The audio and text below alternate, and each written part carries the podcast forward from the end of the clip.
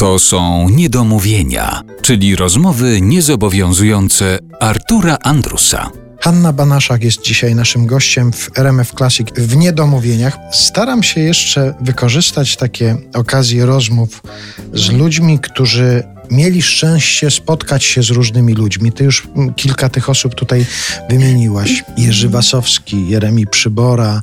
Często w swoich wypowiedziach wspominasz Jerzego Dudusia Matuszkiewicza. To bardzo ważna postać mhm. dla ciebie. Tak.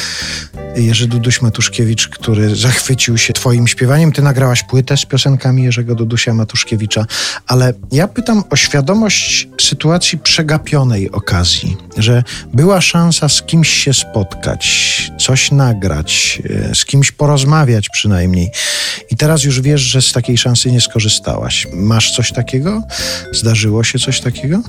Wiesz, y, kiedy wygrałam festiwal w Belgii w 1988 roku, taki festiwal festiwali to się nazywał Eurotop Star, polegający na tym, że przyjeżdżali laureaci różnych europejskich festiwali. Także każdy kraj reprezentowały trzy osoby.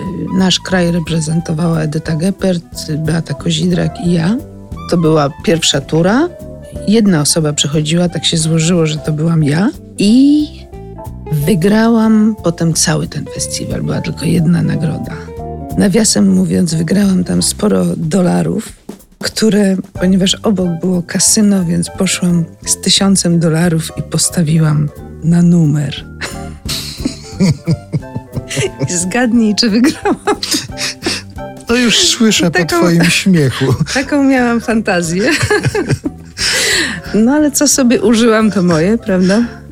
I wtedy usłyszał mnie Gilbert Becot zaprosił mnie do, do Francji, do swojego autorskiego programu telewizyjnego, ale niestety Pagard, który mnie wtedy reprezentował, czyli to taka była nasza państwowa agencja artystyczna, której wszyscy my, artyści, musieliśmy podlegać, y, nie wyszedł temu naprzeciw i tym sposobem nie pojechałam na to zaproszenie Gilberta Beko. Parę razy, kiedy rozmawiałem z kimś na temat tego artystycznego życia, starałem się ustalić proporcje w tym artystycznym życiu pomiędzy takimi zjawiskami jak talent, pracowitość i szczęście. Na przykład Edward Dziewoński, którego tutaj wspomniałaś, to on chyba mówił, że to jest 95% to jest szczęście, 5% to jest mhm. cała reszta. Ja myślę, że to jest indywidualna sprawa. Są ludzie, którzy są bardzo utalentowani, w ogóle prawie nie pracują. Są ludzie, którzy bardzo pracują, a są znacznie mniej utalentowani i też im coś wychodzi, prawda?